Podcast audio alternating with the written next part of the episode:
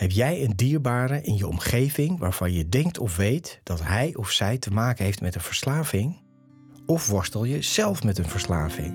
Dan ben je hier op de juiste plek. Mijn naam is René van Kolm en na 30 jaar verslaving ben ik clean en in herstel vanaf 2010 en werk ik sinds 2015 als familiecounselor. Dit houdt in dat ik die mensen in de directe omgeving van iemand met een verslaving help.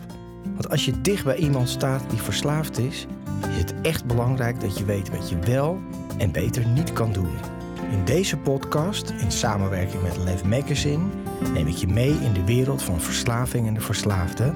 En leer ik je met mijn kennis en ervaring hoe jij hiermee om kan gaan, wat herstel is en wat je kan doen om jouw dierbaren te helpen en zelf overeind te blijven. Mensen, welkom bij een nieuwe aflevering van de podcast van Verslaving naar Vrijheid. Mijn naam is René van Kolm en vandaag heb ik een hele bijzondere gast. Ik heb een gast zelfs die niet in Nederland zit. Hij zit in Amerika, in New York. Het is Dan Carity. Dan, thank you so much for coming to this podcast show. I'm very excited to have you on the show. Um, it's four o'clock in Holland, but it's 10 o'clock in New York. Ja, Yeah. So, uh, ik ben natuurlijk uh, al snel naar Engels gegaan, want Dan is een Amerikaan. En Dan, by the way, how is your Dutch? uh, it's not great, Renee. It's uh, it could use a lot of work, you know. Yeah, because Yeah. I read somewhere, I've Googled some information uh, about you, of course, and I read somewhere that you were um, had some Dutch lessons with the the the nonnen at Vught. Yeah. Yeah, that was a long time ago. Um, I don't even know how long ago that was. Uh, maybe nine year, eight years ago, something like that. Um, I I went to the nuns. I did like my first week there, and then um, and then you know you you leave, and then you're supposed to go back. I forget what it is, a couple weeks later or something Yeah. like that. Um, and that happened to be, and I, I like I hate to even say it like this because it sounds like I'm making an excuse because yeah. I don't have an excuse because I've had so many years Yeah. um, to to learn. Um, but I didn't go back to the nuns because that's when my son got sick when he was first born. Uh, he was nine months old and he got sick, so I didn't go back for that second um, Yeah. that second week. But you know, I should have over the past eight years at some point, and I I never did, and that's that's one of my many regrets uh, that I carry Well, around with me. You know. Yeah. Of all the things you gr- regret, this is probably the the less most important. I, you know, yes and no. I mean, obviously, there's a lot of personal things and family things or whatever that you know I think about more. Um, but you know, the the Dutch people have been so good to me. Um, have have really uh, embraced me on on television and and Yeah. uh, and and have you know really supported me in all the years that I've been there through all the different shows I've done and everything. And um, you know, my my my unwillingness to take the time and the effort uh, to be able to communicate in your language. Um, there's no real good excuse for that. Okay. Um, you know, it does it does go back to my overall problem. Um, Mm. I was so afraid of anyone really seeing me, Yeah. right? And I felt like any kind of vulnerability I wasn't willing to give, Okay. right? And trying to speak a different language and sound funny and Yeah. get it wrong Yeah. and all of those things that was just another one of those examples of I wasn't willing to take that chance. yeah. I wasn't willing to open myself up. Yeah. And so I I gave every excuse I could um not to learn the language. Yeah, yeah. Well, and also, uh, as I have understand or understood, that Dutch is a really hard language for like a foreigner to speak. So, but Yeah. but anyway, so we're gonna do But this. that's you giving me another excuse. We've met, of course, in um, yeah, what was it uh, last month in in uh, in Den Bosch in de dag van herstel, hè, the the the Day of Recovery celebration in the Netherlands, organized by Lev Magazine, and uh, we had a sort of yeah a college tour conversation on stage. That was very nice. We had a little chat off stage, and then I asked you for the podcast, of course. And um, so here you are now. But first, I know you don't need like any introduction because you're like a well-known person in the Netherlands. Uh, even my son, who really doesn't watch any television, knows who you are. And um, but still, I've looked up some information, and you were in like eight years or nine years on Dutch television. Yeah, maybe even longer than that now. More, Yeah, we yeah. um started with So You Think You Can Dance over there in like Yeah, 2009 or 2010, something like that. yeah, yeah. It's Um, from it's it's longer from 2008 till 2019. So my math is not correct, but yeah, it's quite a long time. It's almost yeah, 10 Yeah, so you think you can dance? Holland's Got Talent, the ultimate dance battle, dance date, dance, dance, dance, and then Belgium's. So they also discovered you in Belgium, and Dancing with the Stars. And you are in, um, as you talked about this, in uh, Soof, eh, the movie. So the the first one, the second one, and now there's a third one coming. yeah. It's Yeah. actually it's out now. It's in Oh, theaters so now. okay, okay, Yeah. yeah. So that's nice. So you Yeah, are, we were excited about that because that that we finished shooting that in 2019, and um, you know, like everything else with the pandemic, it just yeah. Um, you know got put on hold. So finally being able to share that with everybody, and gotten so many great reactions uh, Yeah. from it. It's been really cool. Now the people in Holland, uh, uh, I think they have. I don't know how to translate this in English, but they have a warm heart for you. They dra ze dragen je een warm hart toe.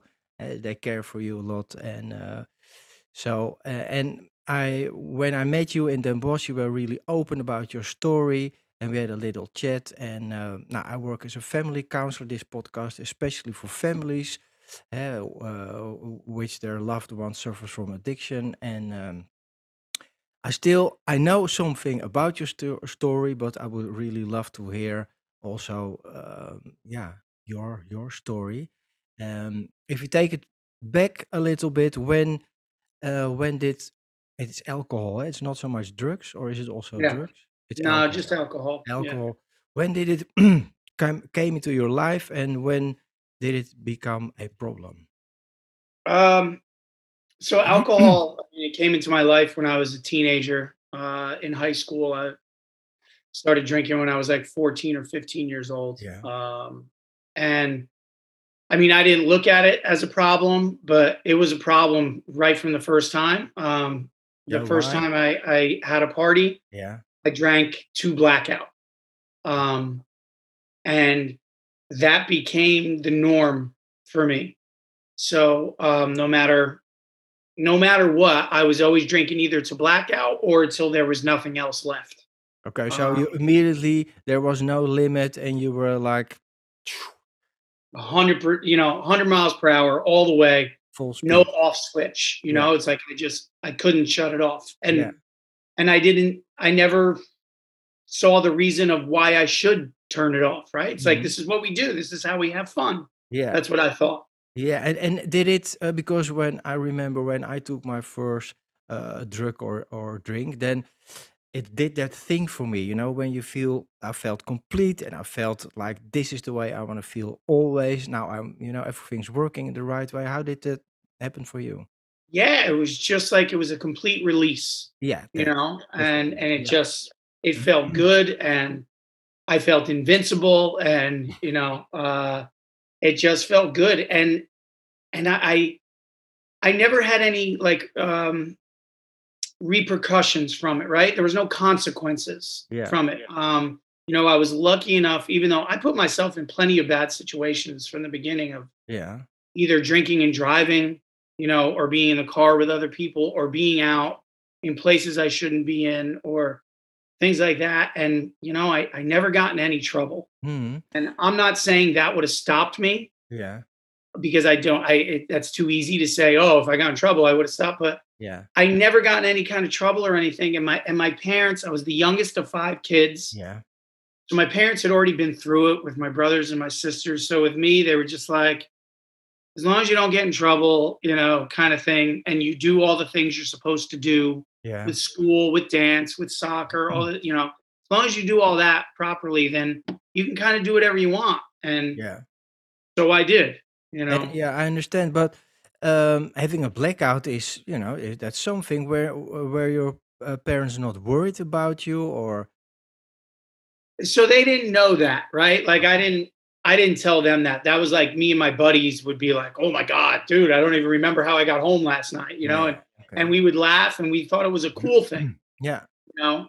Uh, we didn't we didn't look at it; it was a bad thing, you know. yeah, yeah, Um, which So- is strange now when I look back. I'm like, God, I don't even know how my night ended or what I did or who what I said to people, but I thought that was that was cool. You know, Yeah, it's like that means I had more fun than anybody else. You know, um, Yeah, that, that, that's how I looked at it, and I and that type of behavior, that type of drinking, continued through high school, through college, and it never really stopped. I mean, I I never discovered that that off switch. You know, I was there were periods of my life where I was so busy with work and everything um, that I, I couldn't drink every night. But if I was drinking, I you know I would drink until I till I passed out. yeah. So there there was no stop. And and you say you were busy, hey, your life evolved and having a career, and you were you were a dancer. But you know, in my mind, if you're a dancer, that's a, highly physical thing to do. You need a physical uh, condition. But I I can imagine if you have a hangover or if you're too much to drink, is the how did that work? Yeah, I think one of the um, you know whether you look look at it as a gift or a curse, I don't Yeah. know. But I never really suffered from hangovers. Um, it just I don't know. You know, it's like I could drink all night long, but I would wake up in the morning and be like, okay, I'm fine. Okay, You know, so so that never really slowed me down. And when I did have that like crazy kind of night, yeah, I always had that ability to drag myself out of bed and go to the gym and get my day started, sweat it out of me and and Yeah. get to work. yeah, So and and I did that right up until basically right up until the pandemic, right? It's like even when I was in my late 30s and early 40s yeah, and I would drink way too much wine the night before, you know, I I still would get out of bed and be at the gym at six o'clock in the morning and be working out. And it was like, it was a way of fooling myself also. Yeah. And I would say to myself, well, I can't be an al- what alcoholic is in the gym at 6 a.m. You know, it's like it was just another way that I would convince myself that I was okay. Yeah. So you had you still had a lot of discipline, which which is something I really didn't have. Uh, but um, I can imagine that you're thinking, you know, if I get up and I go to the gym, but also it's amazing, like you say, brain-wise, that you have so much tolerance or uh, such a special brain that you can have a hangover and go to the gym next day and do your do your stuff and, and do your work. Yeah, I kind of like, you know, as you talk, like when I was actively dancing and everything Yeah. when I was in my 20s, um, you know, I almost looked at it as like a superpower, right? It's like I, I thought, you know, I could go out with with that Yeah. group of people, the people who like to party, and I could party until two o'clock in the morning with them and have so much fun or whatever. Yeah. But then I was also with the gym rats at 6:30 in the morning at the gym working out and I was ripped and I was in good shape or whatever. And so I thought, listen, I'm I'm living life. This is this is how you live. I'm yeah. getting to, to be with all these different groups of people Yeah. and nothing can stop me, you know? And um Well, and so I I didn't see anything wrong with it. I thought yeah. I almost thought I was special. Yeah. Yeah. Well, I can definitely relate to that because when I had my my drugs, it felt like I had this magic potion, uh, like you say, sort of superpower, and I can handle it, which uh, is of course wasn't true at all. But when did you meet your wife? That was Uh, we met or in, we met in 2006. okay, Um, yeah. So I was in the middle of like my second, I guess that was like my second year of um So You Think You Can Dance. yeah, And um and we met and I mean, she knocked me off my feet, you know. uh yeah, I was in love, uh, you know, love at first sight. Um yeah, but she, you know, from from three months in, um, she was already starting to say to me, mhm, Hey, you know, you you drank a little too much last night. You were, you know, yeah, and I would, you know, the manipulation started right away from Yeah. me. I would explain to her, "Oh yeah, but you know, and and look at this and look at that and look how great I'm doing and yeah, you know all this different stuff." Yeah. And I would I would throw at her twenty different reasons why it was okay, and it made sense. So she would just kind of shrug her mm-hmm. shoulders and say, "Okay," you know, Yeah. Yeah, because you were still yeah, you were still functioning, you're doing your thing. Yeah. And I also read for whatever it's worth on the internet, but you have this um, you have a Dutch uh, friend, uh, Chantal Janzen. eh, you you probably know her. And I've read a little bit about you, of course, and, and your situation. And she said, I never noticed anything about Dan his drinking problem. So people you could have a terrific way of hiding it or Yeah, I mean, I did. I, you know, as I said, that that superpower, yeah, right? It's like I would even, you know, even when I met Chantal years later and we were working together, I would, no matter what I did the night before, I would wake up and go to the gym, hmm, work out hard, sweat it all out of me, you yeah, know, and do everything I needed to do so that when I would show up to work that next day, I was smiling, I was saying how how great everything was and how excited I was to be there. Yeah, um, in the back of my head, I was counting the the hours or the minutes or whatever it was till I could get out of there yeah, because my anxiety level from the drinking was through the roof. You know, it's like I, I suffered from typical anxiety, I would say. Nothing nothing so bad that I couldn't deal with. But when I drank heavy, my anxiety naturally would go through the roof. And yeah, so I didn't want to talk to anyone. I didn't want to be around anyone, but I was very good at at putting on the face and acting like everything was great, you know? And and what Um, what was your anxiety? You say because with uh, many people, it's like they have anxiety and they take drugs or, or alcohol, and then the anxiety drops. But you say my anxiety, my, my anxiety uh, increased while drinking. so it, it it increased the next day, right? Okay. So so I, I would have I had typical anxiety. I don't think it was any different than most people, you know, yeah. just like social anxiety and things like Mhm. that. But I never learned how to how to deal with it, Yeah. right? Or how to control it or anything. And so my answer was have a couple drinks because it would just it would kill the anxiety and then I then That's I what I felt mean. good, Yeah. Yeah. you know? And the problem was as we spoke about earlier is I had no off switch. Yeah. So n- normal people if you go to the bar or something like that, you have a couple drinks, you Yeah. relax and now you have fun. Well, I can't stop drinking Yeah. right? So I would have those couple drinks and I would relax, but then I would keep drinking and drinking and drinking Yeah. all night long. And then when you wake up in the morning, you know, yeah, anxiety is a short term, um, alcohol is a short term fix for Yeah. anxiety, right? yeah. Because when you wake up in the morning, it's Yeah. even worse, Yeah. you Yeah. know, and so now it's Yeah. even higher. Yeah. So my anxiety would be even higher, but I was also dealing with can people tell how much I drank the night before? Am I hiding it okay? You know, with the Chantals of the world, I would always sit there. She and I always had so much fun together, and she Yeah. was always so good to me, such a good friend. But the whole time we would be laughing and joking, whatever, I would be thinking, I wonder if she can tell. I wonder if she could, and and that made the anxiety even worse. So all I wanted to do was get out of there so I could have another drink Yeah. and kill the anxiety, right? And I just I went in that vicious Oh, Wow, cycle. man. But that's like a hard job because you have to maintain your yeah your character, eh, your your role as as Dan is on television, and and it's like a, a double life. And on, the, on in the back of your head, you're like this person with anxiety, and you just want to get out of there and do your thing.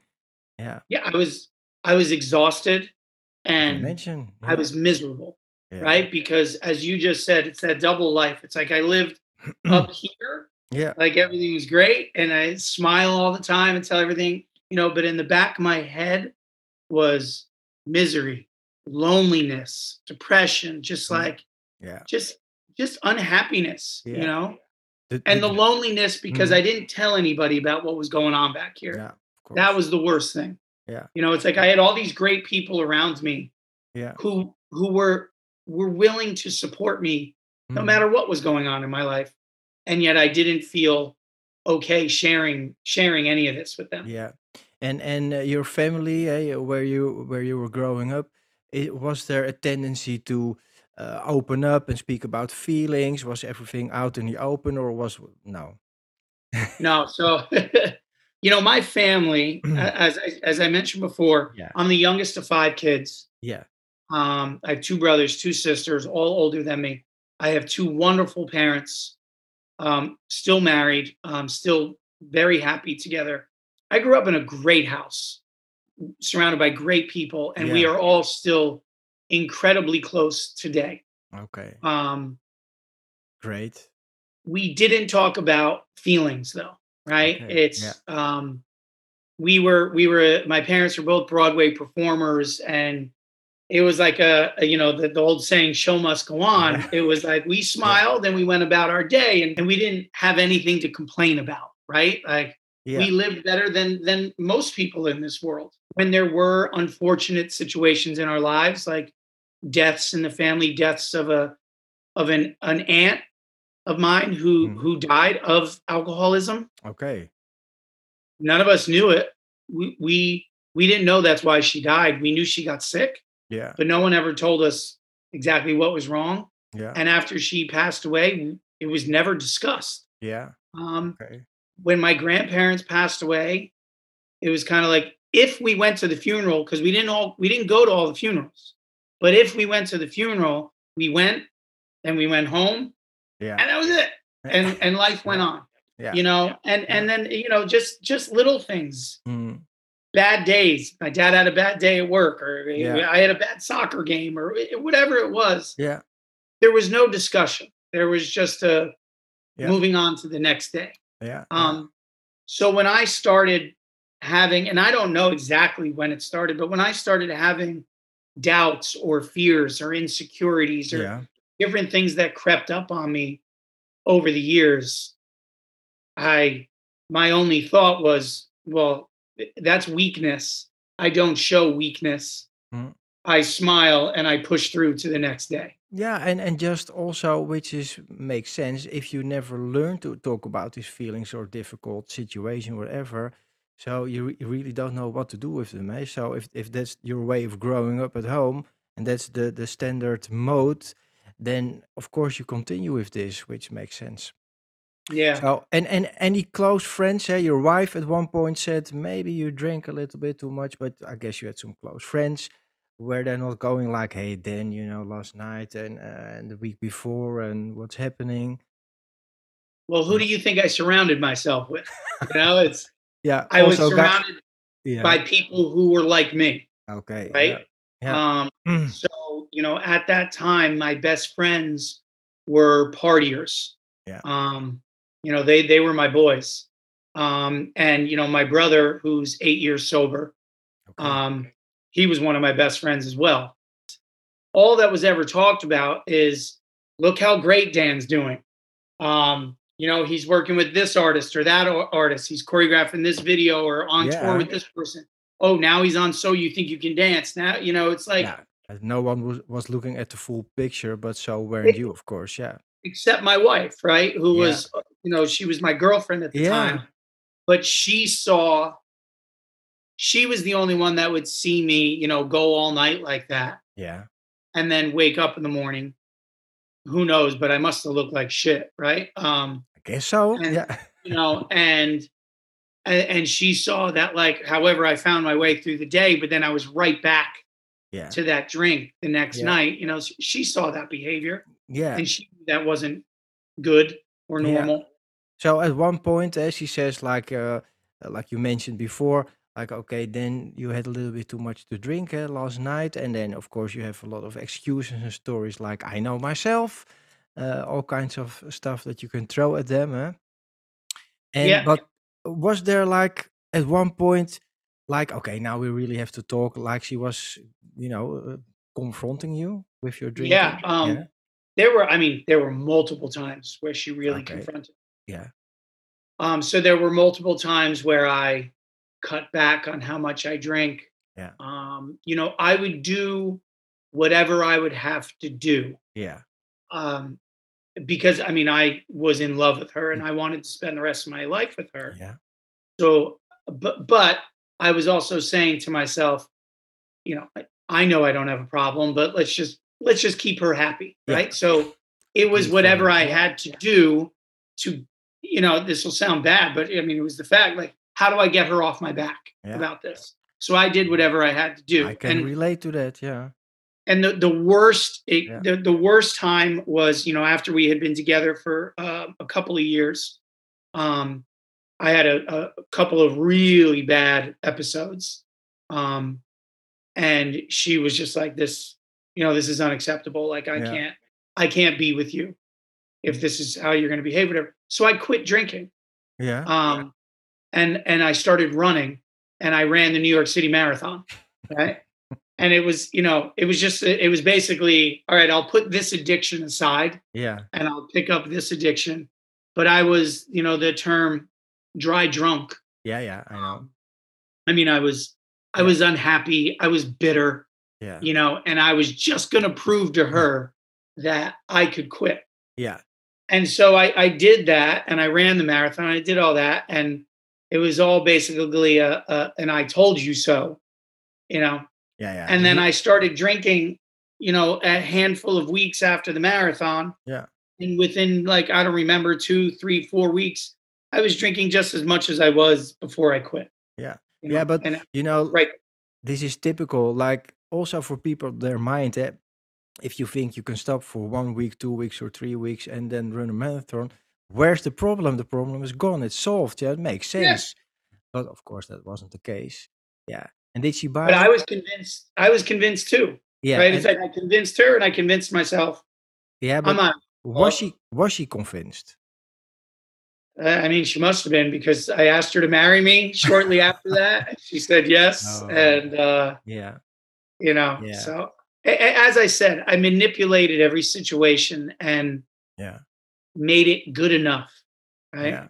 So this carried on for uh now for some time, I guess, and then probably stopping and then picking up again, and uh, like you said, and their children. You got you got a, a, a son and a daughter, and so now this continued for years, I guess, with also not seeking any help. No, you know, I, I just to go back to Yeah. really quick. So I was working, I was making money. I was, you know, so we were living the life kind of thing. But I'll cut back when we get married. Yeah. And then we got married and I didn't cut back. I'll cut back when you get pregnant. I'll cut back when we have kids. I'll cut back once the kids are old enough because Yeah. I'm not going to drink like that in front of the kids. Right. Yeah. Yeah. So I just kept telling her it's going to change. It's going to change. It's going to change. Yeah. But it never changed. In fact, it just got worse, Yeah. you know? and and sh- and she bought it from time to time she wanted to believe you and of course this is the problem if your loved one has an addiction that it's so hard to set those borders or boundaries eh? Yeah. and you see that people uh, carry on with with somebody who's who's an addict in whatever uh, situ- drink or, or behavior or whatever and it carries on for years and years and years right? so what happened that because you've gone public now with your story and and so what what was the moment that really changed something in your life Yeah. So, I- you know, you asked if I had ever sought help or anything Yeah. like that. I didn't, you know. Um, Natasha had asked me multiple times, yeah go to AA. She bought me the AA book, you know, um, Yeah. go get counseling, go do this, go do that. And it's, you know, yeah I don't need that, you know. Um, and uh, and I kept that whole facade up for a long time and was successful with it. But when the pandemic hit, yeah um, you know, and and all these situations I put in place for myself to keep me in check enough, yeah travel, the work, you know, all of that. Once all of that was taken away from me and I was home Mhm. During the pandemic and you know, I wasn't able to to hide yeah anymore. And now I was just, you know, a dad and a husband, um, no not escape working, not doing anything. Yeah, there was no escape anymore. Instead of facing everything, um, you know, and I- think everybody, right, during the pandemic, everyone was dealing with uncertainty, Mhm. um, you know, insecurities, fear. There was all everybody was dealing with it. I couldn't deal with any of it. Just like everything else in my life, I never dealt with it. My only way of dealing with it was to drink, and so I just started drinking more and more but then every day. yeah at home yeah yeah until until I got to the point where it was no no longer just at night. Mhm. It was earlier and earlier in the day, and eventually I was drinking in the morning, Oh. and then you know, and just finding my way to pace myself Yeah. through the whole day. But I drank all day, every day. And how did your wife react to this when you start drinking in the morning? You know, um, he wasn't happy about it. Was questioning me. Was saying this can't continue. Um, Yeah. and I was, I was admitting at that point to myself more so than anything, but to myself, Hmm. You're an alcoholic. Okay. But I was different, right? I was saying to myself, but Yeah. you can handle this, Yeah. you know? Um, and I, again, for a short while, I was convinced that I could handle it and I, I could figure this out, you know? I, and I couldn't. And it just do got it ugly. It's like you want to do it on your. You want to do it by yourself. You want to. Fix yeah, it I'm going to do this on my Yeah, terms. exactly. you yeah. know but i'll i'll deal with it um and i couldn't and i wasn't looking at myself in the mirror Hmm. um i think one I, I couldn't look myself in the eye but two i didn't want to see what was happening to me because i looked awful Yeah. um and my wife ended up i mean half the time she was sleeping in the guest room at that point because she didn't even want to see me smell me deal with me This is what You know, happens. Yeah. and my daughter um, walked into the bedroom one morning after what unfortunately had become a typical night for me. Hmm. And now, I, keep in mind, I was always the one who was the first one up in the morning, Yeah. working out, back, getting the house set up, getting the kids ready for whatever they were doing that day. And now I was the last one getting out of bed, you know. Yeah. Um, and Quinn walked in to the room one morning. She was nine at the time, and just and Quinny and I had this great, super active, let's do this, let's do that kind Yeah. of bond all the time. And now she walked in and just kind of tilted her head and looked at me and, and said, Daddy, you don't you don't look so good, you know, and started asking me what was wrong. And you could see this genuine concern Yeah. on her face. Nine years old, you know, and concern for what was happening to me. Um, and that just, I mean, it broke my heart, you know. And I realized all those lies about I'll stop when we get married, I'll stop when you're Yeah. pregnant, I'll stop when we get a kid.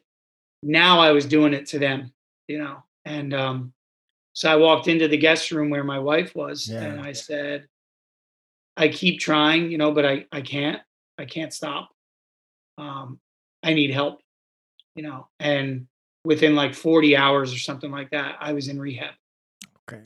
Wow, Yeah. man, that really touches me. I can feel it like when your daughter, you know, because they're so like upfront and no show and really looking into your eyes, but really looking into your heart. You know, it's like as a parent, you know, all you want to do is is Yeah, right by your kids, Yeah. you know, and and I was willing to convince myself for years why, oh, but I'm still doing right. I'm still doing right. It ain't right. You know, No, and there were no more excuses, no more stories. I was out, you Yeah. know.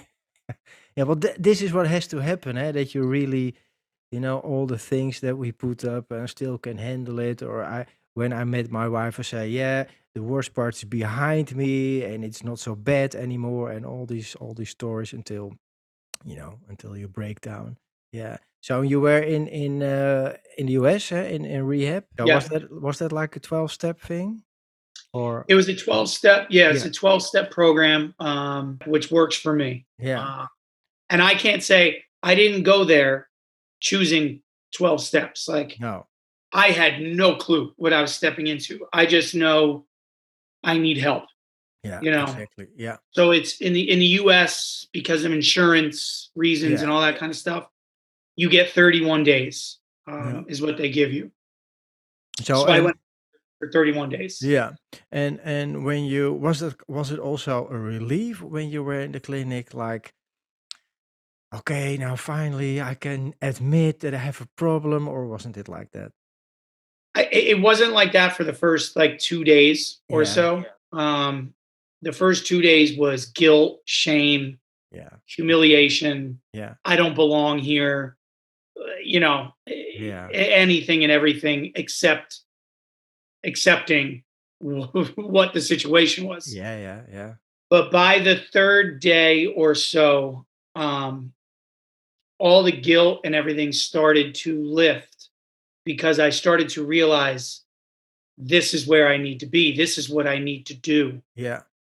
for my kids and for my wife, not just for myself, but if I'm going to be the dad, I always said I'm going to be, if I'm going to be a good husband, this is where I need to be. And I started to realize it. And, and from talking to the other guys in there and listening to them, Mhm. um, all of a sudden I, I started to have some hope and realizing, you know, after all those years of being all alone, Yeah. thinking I was all alone, Yeah. and I was the only one dealing with this, you know, all of a sudden I realized, look at all these guys, they're just like me. and they think just like me and they're dealing with the same thing. Yeah. And and they're all, you know, these guys had, who had been in there for a few weeks at this time, they're all laughing and smiling and Yeah. joking with each other. And yeah. it was like you saw this light Mm. of, oh, Exactly. Yeah. this doesn't need to be a bad place. This can be a good place. Yeah.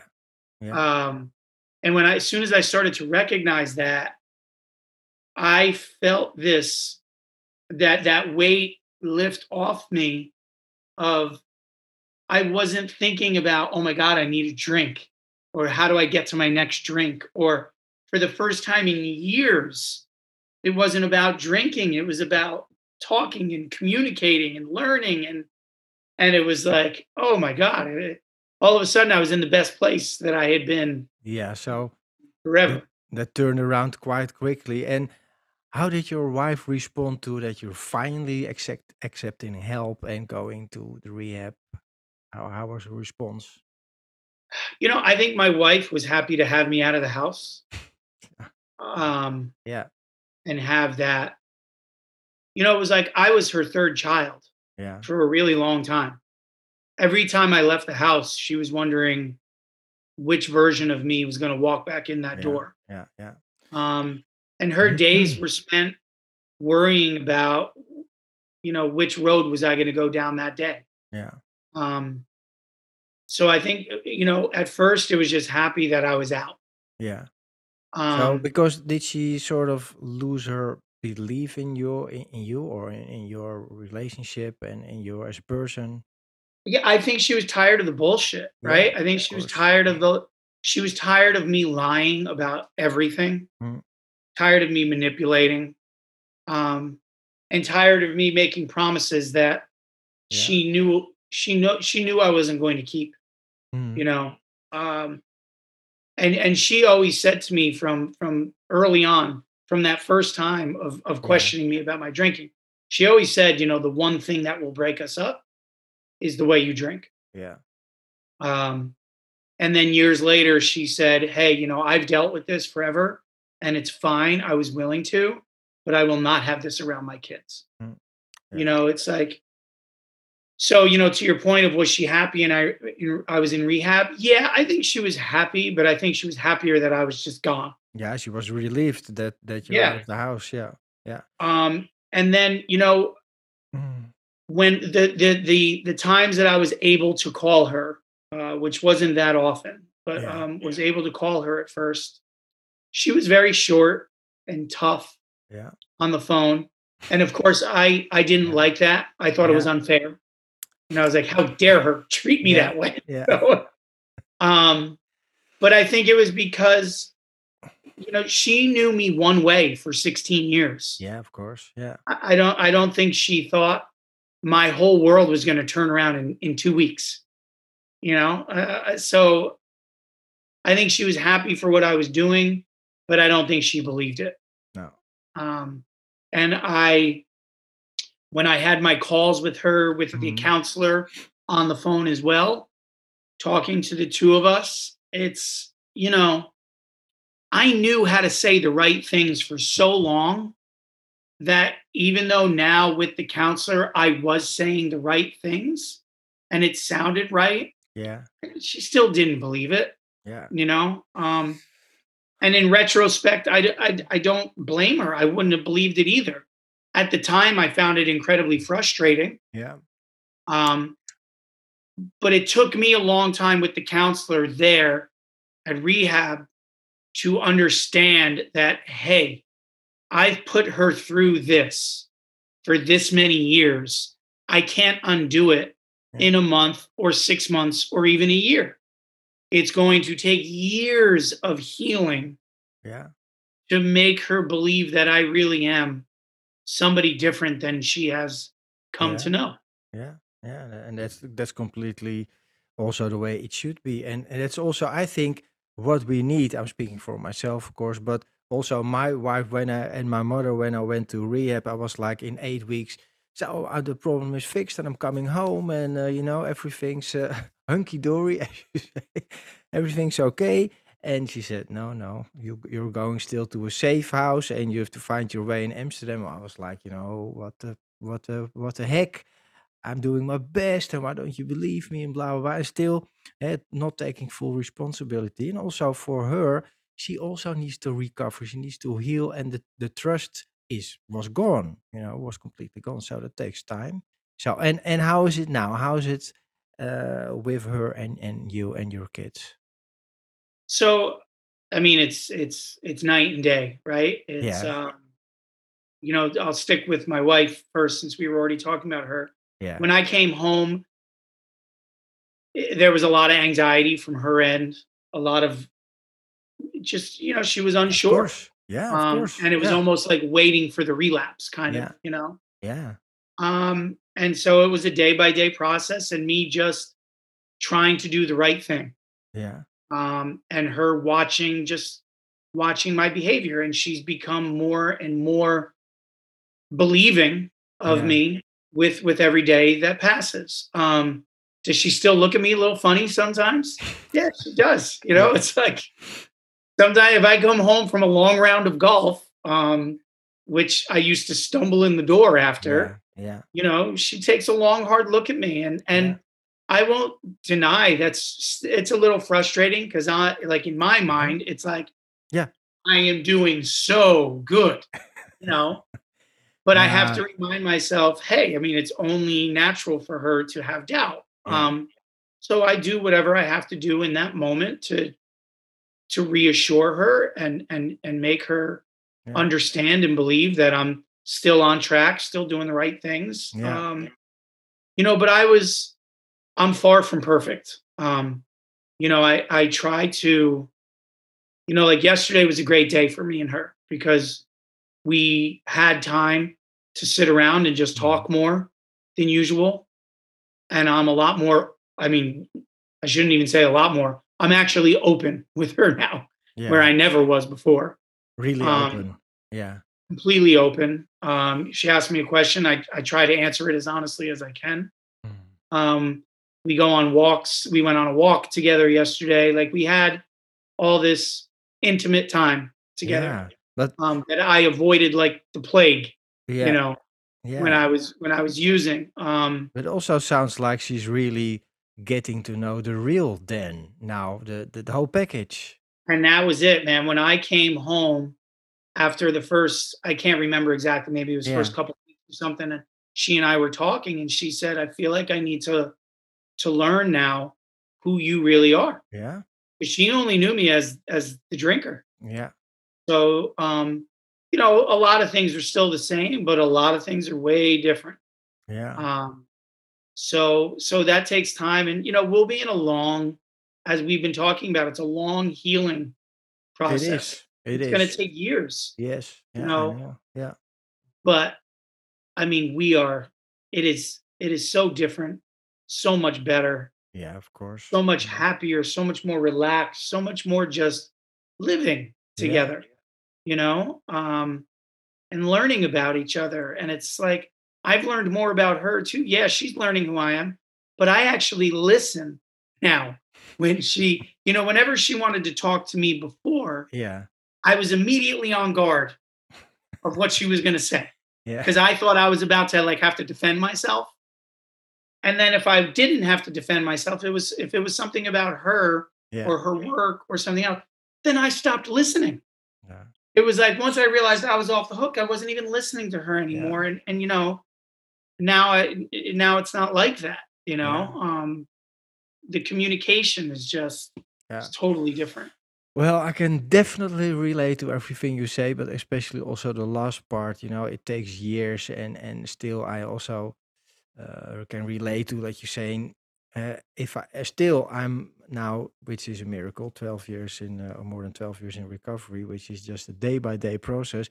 But still, if she says something to me about my behavior, because I'm also still not perfect, then you feel you know i'm feel i'm doing i'm not doing well or i'm working so hard and what's the problem? I'm still in the defense mode in instant but i've also learned to listen and reflect. And now i say if she says something i say i, I don't respond and i say okay i hear what you're saying. I'm going to take it take it in and you know a couple of hours later i will respond. And then uh, unfortunately for me she, 99% of the time she's always right. So yeah, but this takes. Are you are you telling me that after 12 years, and that's awesome by the way, 12 years, congrats to yeah. you.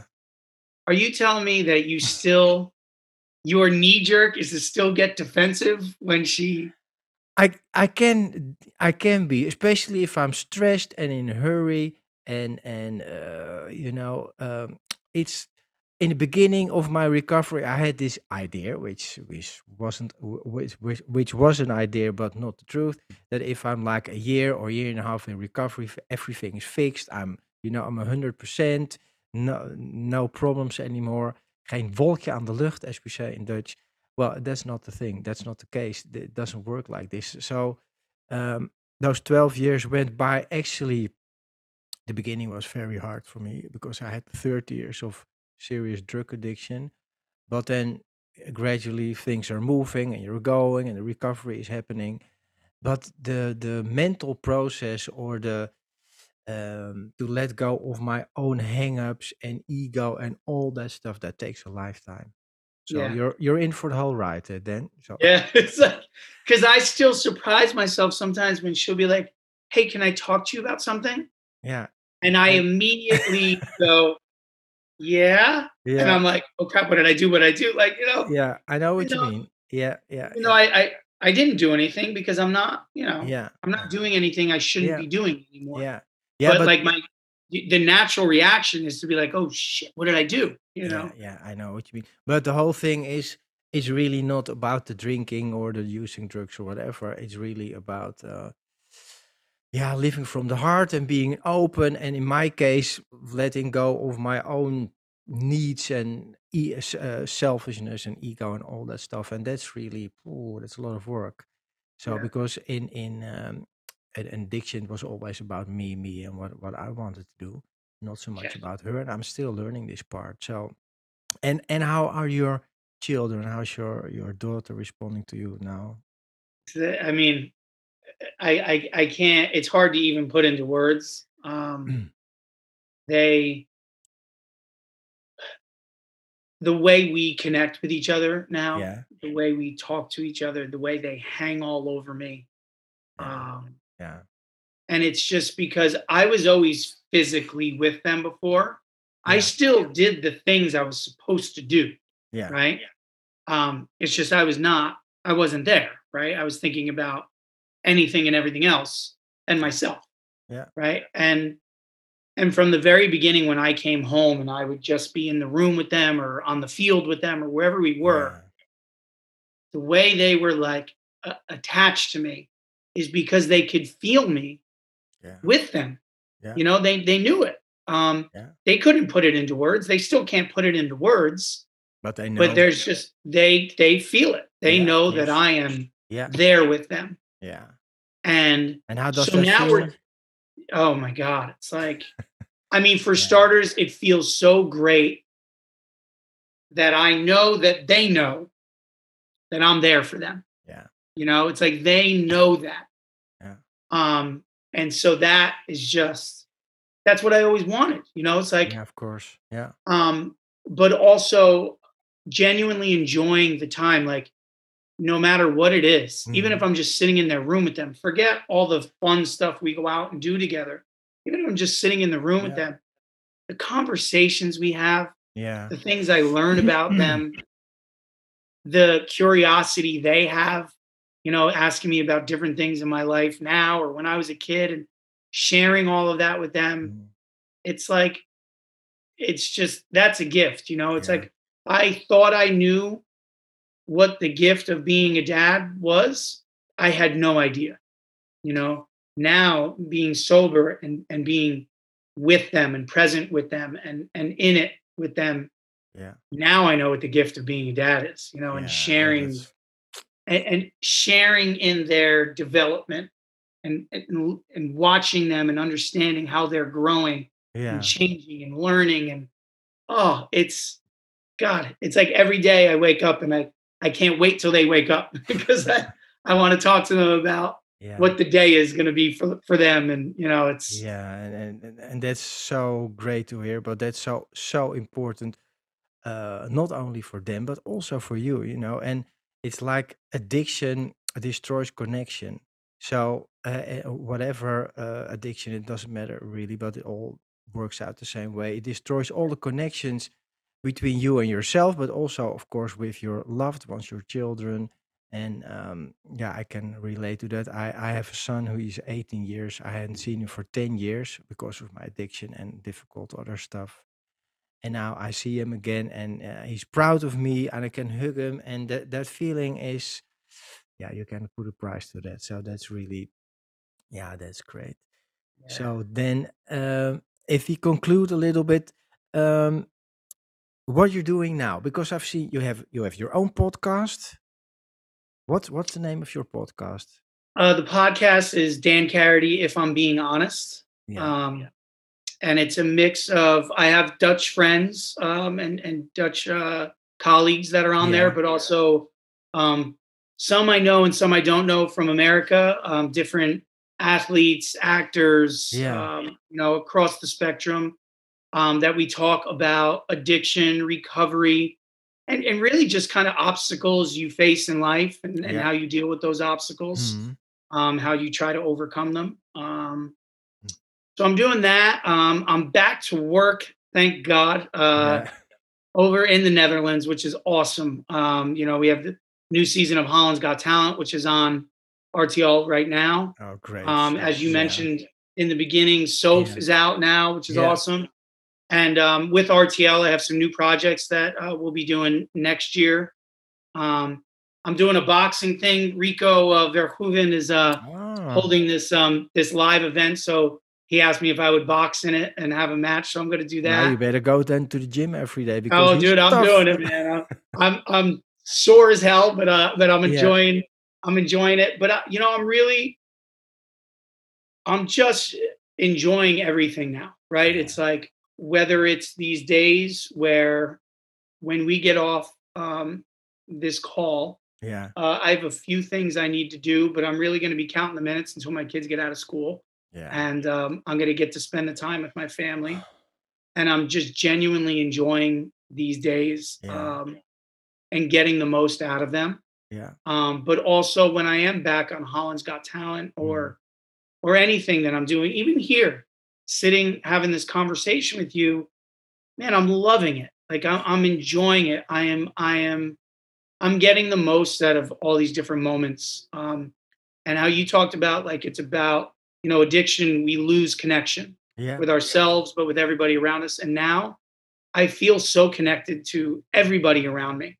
Wow. Um, Yeah. from from my wife and my kids to complete strangers and everybody in between it's spectacular no Yeah. you know so i just i look forward to my days now of of of what i get out of them and uh and every day is is is enjoyable in some way Yeah. so- um and i love that Yeah. Well, I'm so happy for you, and especially the story about your kids and your wife, because, you know, at the end of the day, I think that's always most important, the ones who are closest to you. But I'm happy for you. And how special is this Dutch connection that you're uh, flying back and forth and doing television and all kinds of other stuff? So um, then I, yeah, you know if i may really quick uh, Yeah, you know i i never took the time to understand how special that dutch connection is was and is yeah, right? I was just like everything else i was just doing it. Yeah, yeah pushing Yeah. forward through my day Yeah. and not taking any time to ex- like to, to think about what was going on around me. Um, and it, it's come back into focus since I've been sober, but also being at that day of recovery with you Yeah. and, and meeting you and sitting up on that stage with you and talking to the sober community there Yeah. and really feeling like I was a part of it. Um, that felt so spectacular, you know. And these kind of relationships that I make now, Yeah. um, it's awesome. You know. I'm so grateful for it. yeah it's definitely uh, adding uh, another dimension dimension of the heart and the openness which is great Yeah. uh, then i really want to thank you for your time and uh, i hope people are watching your show as well so people go and visit Dan Karaty on spotify and you're also on youtube Yeah, on YouTube as well. Yeah, so same thing. Dan Karaty, if I'm being honest. Yeah, okay. So I'm gonna switch back to a little bit of Dutch, and I want to say to everybody who's who's listening and who is watching this video, thank you for watching. Dat is niet, that's that's English. Dankjewel. Dankjewel voor het kijken en het luisteren naar deze aflevering van Verslaving naar Vrijheid met Dan Carity is was mijn gast, is mijn gast, speciaal uit New York. Eh, super bedankt Dan voor je verhaal. En lieve mensen, ik hoop jullie allemaal weer te zien bij de volgende aflevering. Neem dit verhaal mee. Eh, herstel is altijd mogelijk als je je opent, je hart opent Lieve mensen, dank jullie wel en tot de volgende aflevering. Bedankt voor het luisteren naar deze aflevering van Verslaving naar Vrijheid. Wil je mij een vraag stellen of heb je mijn hulp nodig? Neem dan contact met me op via mijn website renévancolum.nl.